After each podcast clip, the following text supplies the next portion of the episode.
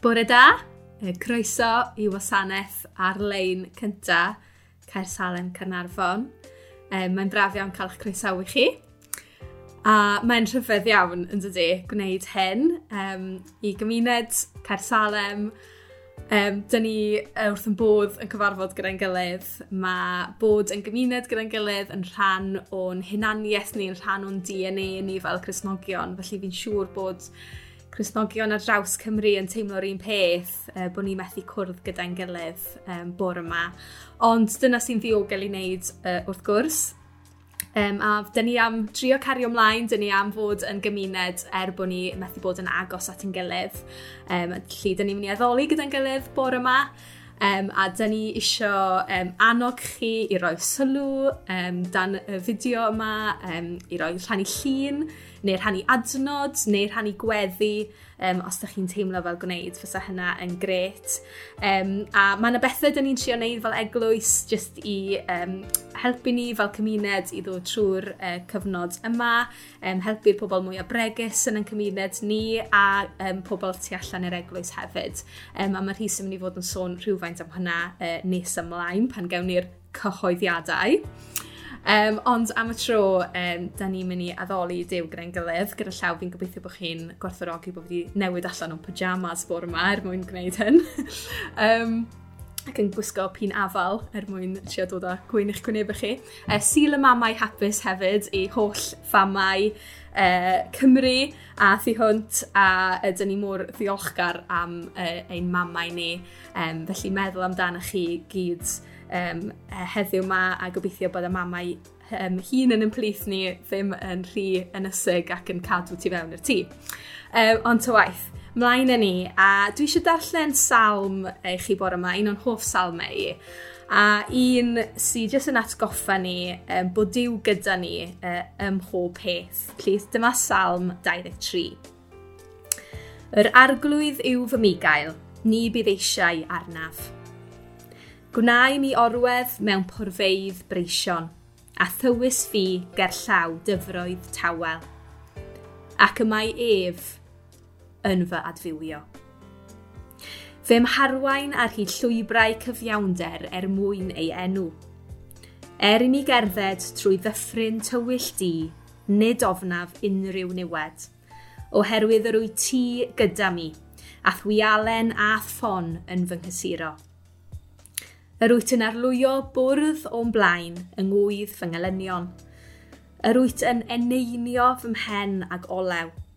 Y mae fy nghwpan yn llawn.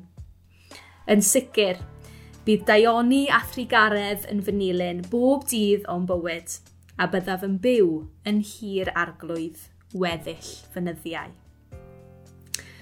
Felly mae'r salmau jyst yn lle gret i droi ato yn y dyddiau e, tywyll yma da ni'n byw trwyddyn nhw achos mae'r salmydd yn gweiddi allan ar ddew. E, mae e'n canmol enw dew ond mae hefyd yn brwydro gyda dew weithiau um, a eisiau ymateb gan ddew. Um, a mae e'n cael ateb ond weithiau mae e'n gweiddi allan ar ddew ble wyt ti ddew. Um, ond mae'r salm yma um, wedi sgwennu gan Dafydd mewn cyfnod ble oedd e'n mynd trwy pethau anodd iawn. A mae'n asgoffa ni bod Dyw gyda ni. Um, bod e yn yn adfywio ni. A er i mi gerdded trwy dyffryn tywyll di, nid ofnaf unrhyw niwed oherwydd yr wyt ti gyda mi. Dyna'r addewid mae Dyw yn ei roi i ni. Dyna'r gobaith da ni'n sefyll arno y bore yma. A mewn byd ansicr, mae pobl yn chwilio am heddwch. Um, heddwch, da ni ddim yn gallu ffeindio'n hawdd iawn o'n cwmpas ni um, gyda'r ansicrwydd, y coronavirus a'r holl um, anxieties sydd wedi dod yn yr wythnos neu fwy diwetha. Um, ond mae Dyw yn rhoi heddwch i ni, mae e'n cynnig heddwch i ni. Um, heddwch dyn ni ddim yn gallu ffeindio yn unrhyw, unrhyw arall, heddwch dyn ni ddim yn gallu ffeindio yn ddyn ni'n hunain ond dyn ni yn gallu ffeindio heddwch yn yn perthynas ni gyda Dyw. Ac mae enw ar yr heddwch yna, sef Iesu Grist. Felly, dyn ni'n mynd i nesu at Iesu bore yma um, mewn addoliad. Um, felly, uh, newn ni jyst weddio cyn bod ni yn gwrando ar y ddwy ac yn addoli gyda'r ddwy gan uh, nesaf yma, lle gweddion. O dad, i ni'n dod o dy flaen di bore yma um, ehm, fel pobl ansicr, fel pobl sydd wedi ynysu. Ond o ddew, dwi'n gofyn i ti jyst atgoffa ni bore yma bod dim byd yn gallu'n gwahanu ni, dim byd yn gallu yn ynysu ni wrth dy gariad di. Mae dy gariad di yn anhygoel. Ehm, um, a lle ni'n diolch bore yma bod dy gariad di wedi bod wedi ymyrryd ar byd yma, wedi bod yn person Iesu Grist, bod e wedi marw drosto ni ar y groes, bod wedi wedi codi'r trydydd dydd a bod y buddigoliaeth yna nawr um, gan Iesu dros angau a dros bob pechod. Felly, i ni'n nesu at y ti bore yma, i ni'n diolch amdana ti, i ni'n diolch am yn gilydd, a ni'n gofyn, um, neud i helpu ni er bod ni ar ben yn hunain i addoli ti, um, rhoi can newydd i ti bore yma, rhoi addoliad i ti o'n calon. Um, felly helpa ni nesu at y ti a nesu at yn gilydd bore yma. Yn enw Iesu Grist. Amen. Bwydorodd bwen, pechod a chlollwch, a chariad pwysig, nerthol a chryfach, brenin gogoniant, brenin brenin o'i Pwysgwyd ar ddeiar, a thar yn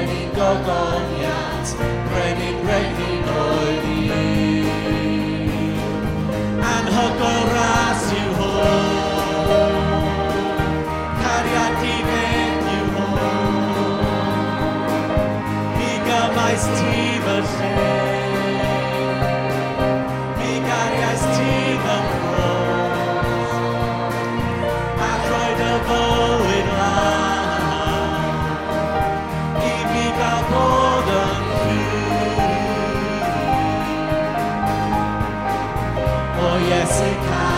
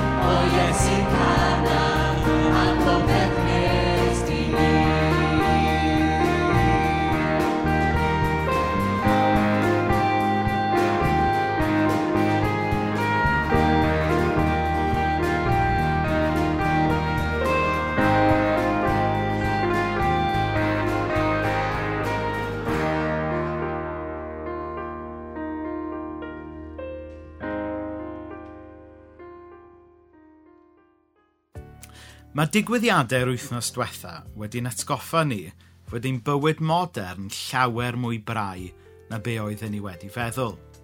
I ni ddim yn gwybod be sy'n rownd y gornel nesaf. I ni ddim yn gwybod be sy'n gan y byd yma i daflu i'n cyfeiriad ni nesaf. A mae'r ansicrwydd yma yn gallu gwneud ni'n bryderus iawn, gwneud ni'n anxious. Heb wybod beth sy'n blaen ni, mae'n anodd weithiau byw'n hapus yn y presennol. Yr hyn sy'n ddiddorol am lawer o'n pryderon ni yw ei bod nhw fel arfer yn ddi sail. Wedodd Winston Churchill unwaith, I've had a lot of trouble in my life, most of which never happened. A mae hynna mor wir. Achos pan da ni ddim yn gwybod beth sydd yn y dyfodol, i ni'n tueddu ddychmygu'r gweithaf, ac mae hwnna'n gallu yn llethu ni. A dyma dwi, fel llawer ohonoch chi, wedi brofi wythnos yma. Profi pryder yn dod yn drech arna ni weithiau. Bues sy'n ffonio rown rhai aelodau hun a bregus y capel yn ystod yr wythnos, ac fe ofynodd un person i fi, yn ddigon dinewed, os mae dew oedd wedi anfon y feirws. Fi wedi gweld sawl erthygl a mîm yn cael ei rannu ar y we hefyd sy'n hanner awgrymu rhywsyd fod Dyw wedi anfon y feirws. Ond mae eisiau ni wneud un peth yn glir. Dydy Dyw heb anfon y feirws i ddysgu rhywbeth i ni. Yn yr un modd, dyw Dyw heb anfon sychder i Africa na wedi rhoi cancer i'ch nain. I ni'n byw mewn byd cymleth sydd wedi torri ac mae pob afiechyd gan gynnwys y coronavirus yn symptom o reality yna. Dydy hyn ddim yn glygu fod Dyw ddim yn gallu defnyddio'r sefyllfa i ddysgu rhywbeth i ni. Gobeithio, bydd Dyw yn defnyddio'r sefyllfa i ddysgu ni sut mae gofalu am yn gilydd yn well, sut i gefnogi'n gilydd, sut i garu yn gilydd yn well. A dyle y profiad yma hefyd yn gwneud ni gyd yn wylaidd wrth i ni ddod wyneb yn wyneb am breider, falle am y tro cyntaf. A falle bydd hwnna'n wneud i ni helpu gofyn y cwestiwn le i ni'n rhoi yn ffydd. Ond dyw dweud bod Dyw yn gallu dod a dall yn y sefyllfa ddim yn golygu mai Dyw sydd wedi danfon y feirws a bod yn rhyw, rhyw sy'n rhan o'i gynllun e. A mae rhannu syniadau fel mae Dyw sydd wedi danfon y feirws, dyw e jyst ddim yn adlewyrchu cymeriad y Dyw sydd wedi dangos hi'n yn fwyaf clir i ni yn Iesu Grist. Mae hanes yn dysgu ni, pryd bynnag mae cymdeithas yn mynd trwy newid mawr neu traumatic mewn cyfnod byr, yna mae'r eglwys, neu rhai o fewn yr eglwys, yn mynd i gredu rhai pethau rhyfedd. A falle mae dyna i ni wedi gweld yn y diwrnodau diwethaf. Ydy, mae Iesu wedi dod a bydd e yn dod eto, ond mae'n anhebygol mae'r coronavirus yw'r caniad o'r utgorn mae'r Beibl yn sôn amdano. Mae'r salmydd yn yr Hen Testament yn sôn am ymddiried yn yr arglwydd am ein dyfodol, ac mae e'n dweud mewn ffydd y mae fy amserau yn dylaw di. Mae'r apostol Paul yn y testament newydd yn sôn hefyd fod yr holl greadigaeth popeth yn y nefoedd ac ar y ddeiar yn dod i undod yn Iesu yng nghynllun cyflawniad yr amseroedd. Allwn ni ddim gwybod yn union beth sydd gan y dyfodol i ni, ond heddiw, beth am i ni roi yn ffydd yn yr un sy'n dal y dyfodol, a thrwy hynny gael ein rhyddhau i fyw bywyd heddiw yn ei gyflawnder drwy drystio yn Iesu.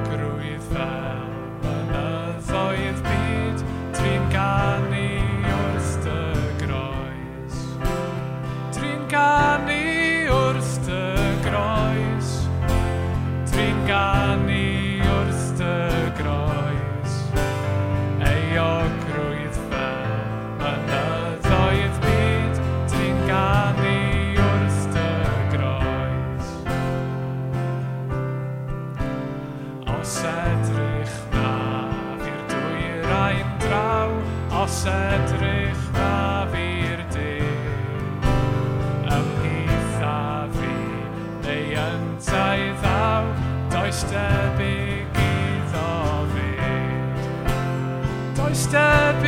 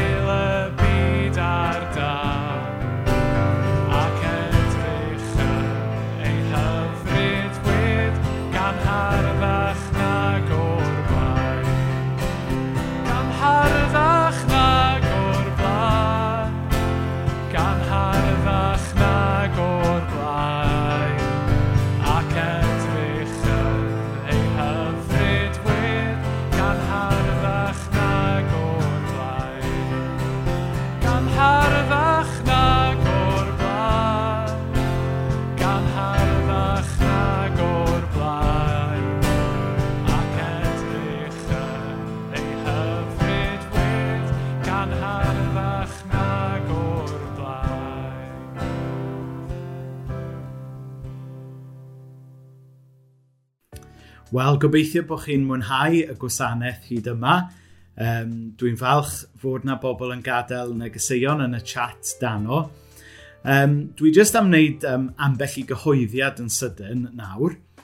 Mae'n grwpiau cymuned ni mynd i drio parhau i ddigwydd dros wasanaeth o'r enw Zoom. Felly, os ydych chi'n rhan o grŵp cymuned, um, mi fydd Martin a Mari neu Arwel a Lowri yn cysylltu gyda chi dros y diwrnodau nesaf.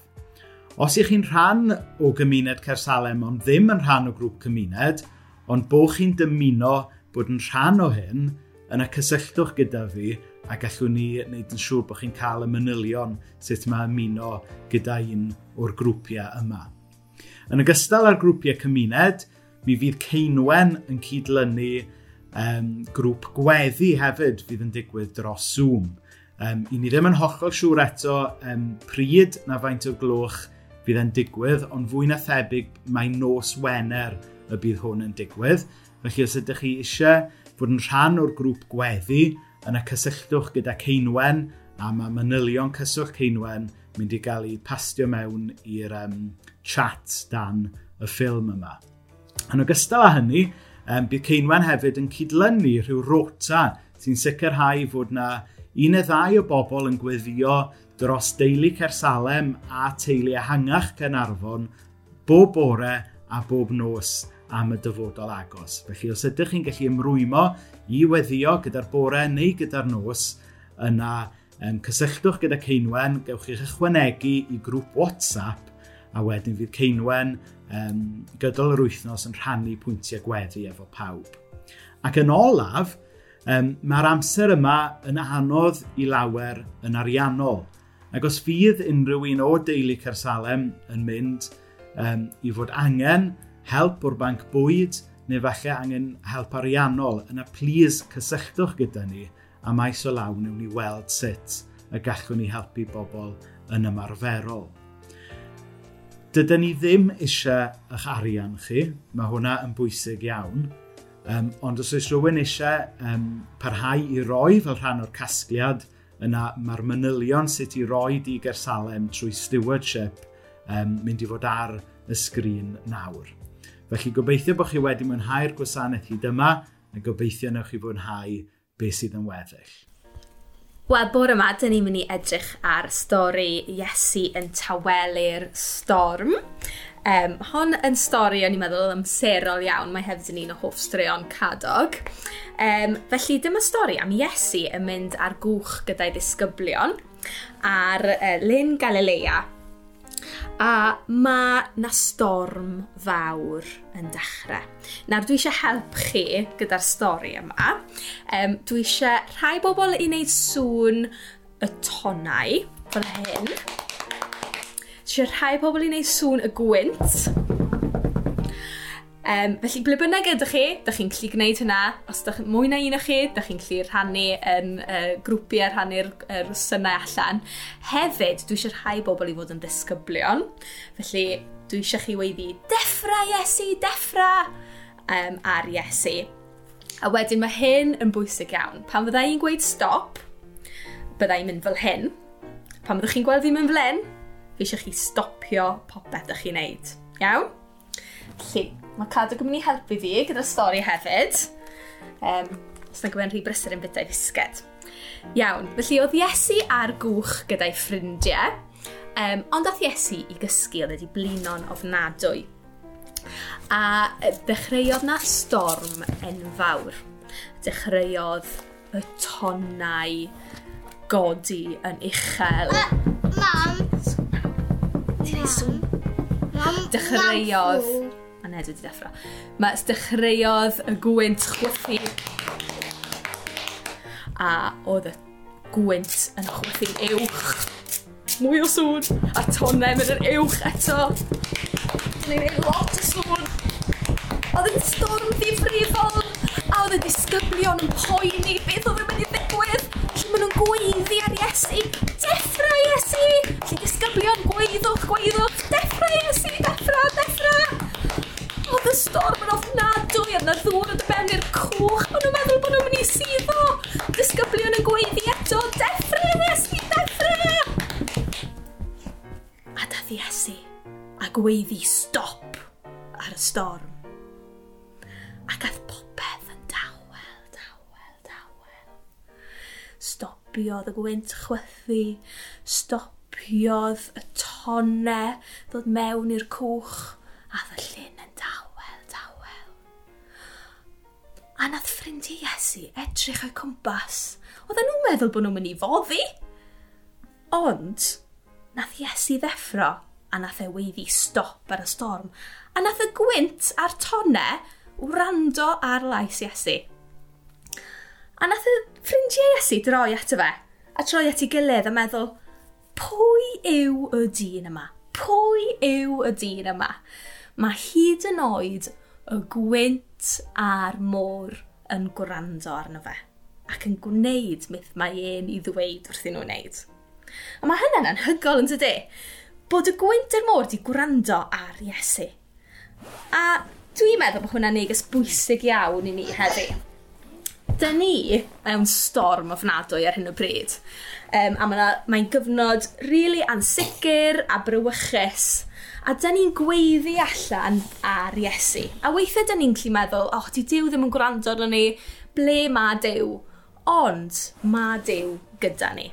A mae Dyw yw'r un sy'n gallu helpu ni yn y storm. Mae e gyda ni yn y storm a fe yw'r un sy'n mynd i dynnu ni drwy'r storm hefyd. Felly, dyn ni yn gallu trystio'n Iesu. Mae ganddo fe'r gallu, mae ganddo fe'r grym a'r neth. Felly, dyn ni'n gallu rhoi yn gobaith i gyd yn Iesu bore yma.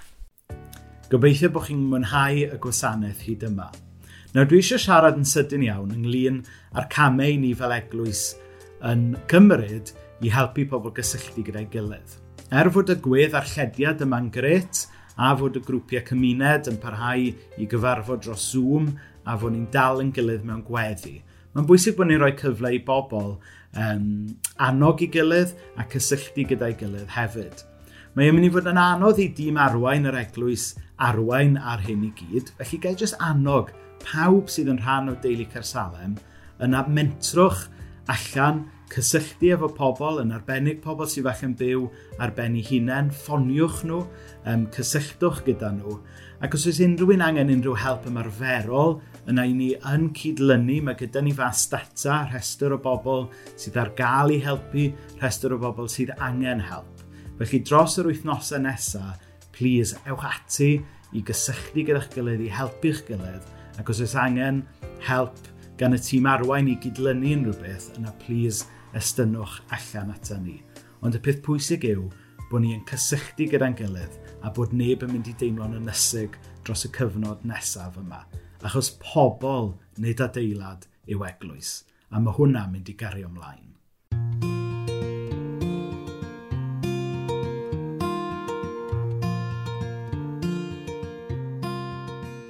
Ti'n mac yn Llangybi, um, pentra bach yn Eifionydd, ac yn fan o'n mynd i capel helig Llangybi, um, ysgol syl pan o'n i'n blentyn ac o'n i wrth y modd, o'n i'n teimlo bod fi'n plesio dyw ac o'n eisiau bod yn hogelach dda. Ond erbyn cyrraedd yn arddega, nes i ddewis peidio mynd, o'n i'n teimlo, mae siŵr dydy dyw ddim yn bodoli beth bynnag, dwi'n gwybod yn well, neu gario ymlaen yn well heb hyn i gyd, a dyna nes i. A dim ond wrth feddwl yn ôl, dwi'n sylweddoli nes i droi'n nghefn ar ddiw a mi ath lot o bethau o'i le. Dechais i'n blynyddoedd drwg ofnadwy, ond fysa pethau wedi gallu mynd yn waes, dwi'n siŵr. Felly, um, nath pethau sortio hun pan si gafod o Tristan, nath ni gychwyn teulu, nath ni briodi yn y drefn yna, a um, o popeth yn dda, ond o'n i yn cychwyn poeni am lot o bethau pan ti'n cael plant sy'n jyst yn meddwl o beth sy'n dod ohonyn nhw yn y byd mawr yma sydd ohoni. Ac o'n i'n poeni am bob dim, pethau bach a pethau mawr, a dy hynny ddim yn hwyl i Tristan ac i fi ac i'r plant. Felly, un o'r pethau cyntaf nes i glywed yn Caer Salam oedd bys i'n rhaid poeni am ddim byd peidiwch â gadael i ddim cynhyrfu eich calon ac o'n i jyst yn meddwl, waw, mae Dyw yn siarad yn uniongyrchol efo fi. Y mwy o'n i'n glywed, y mwyaf pethau'n gwneud synwyr, a mwyaf ni'n meddwl, waw, mae Dyw yn siarad efo fi, yn gorau fod, oherwydd oedd bob dim yn gwneud synwyr. Felly, o'n i eisiau gwybod mwy, nes i fynd adra, o'n i'n chwilio am y Beibl, o'n i'n cychwyn darllen hwnna, o'n i'n gwybod lle cychwyn, ond um, O'n i'n mynd yn ôl i Caersalem, o'n i hyd yn mynd ar ben fy hun, ar nosweithiau syl ac yn wrth y modd. Oedd bob un dim, oedd bob un gair ar y sgrin o'r Beibl ac o'r emyna, fel tasan nhw'n llachar ac yn neidio allan i'n mhen i. Um, ac o'n i jyst yn teimlo, maen nhw beth yn hyn. Felly, nes i gychwyn y cwrs alfa ac nes i atab i bob cwestiwn oedd gen i. Um, Oedd y mor braf gallu mynd i rola a gofyn yr hyn oedd ar y meddwl i a bod na atab i bob dim, o'n i'n meddwl bod y peth yn anhygoel. A um, dwi'n cofio gofyn be ydi pechod. Dwi'n meddwl bod gen i bechod. Dwi'n ddim yn gwneud yn byd mawr o'i le. Ac unwaith ti'n sylweddoli bod chdi wedi anghofio am ddew, bod chdi wedi troed gefn ar ddew, mae pethau yn newid, mae bob dim yn wahanol a sylweddoli bod gen i bechod, bod gen pawb bechod a di hynny ddim yn un byd o'i le. Ti'n cael maddeiant a ti'n cael gweddio, ti'n gallu siarad. Am bob dim felly mae Dyw yn gwneud y gweddill o'r pwynt yna ymlaen ac erbyn rwan dwi yn dwi'n gweld bob dim yn wahanol, dwi'n gweld y byd yn wahanol, dwi'n gweld pobl yn wahanol, dwi'n ddiolchgar o bob dim, pan ti'n trio magu plant, mae o'n mor anodd yn y byd mae sydd ohoni, ond um, dwi'n teimlo bod fi'n cael help wan, a dyna di'r prif beth, a dwi'n teimlo bod fi'n ddiolchgar am fwy o bella. A bod Dyw yna mewn gweddi yn helpu dim ots be. Dwi, Dwi'n mor falch bod Dyw wedi fy arwain i gersalen a wedyn yn hadu i yna.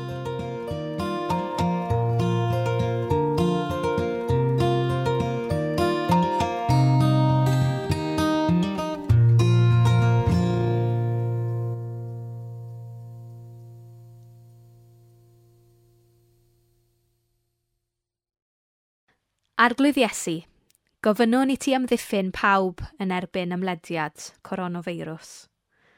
Rwy ti'n rymus ac yn llawn trigaredd. Dyma'n gweddi ni fel y salmedd.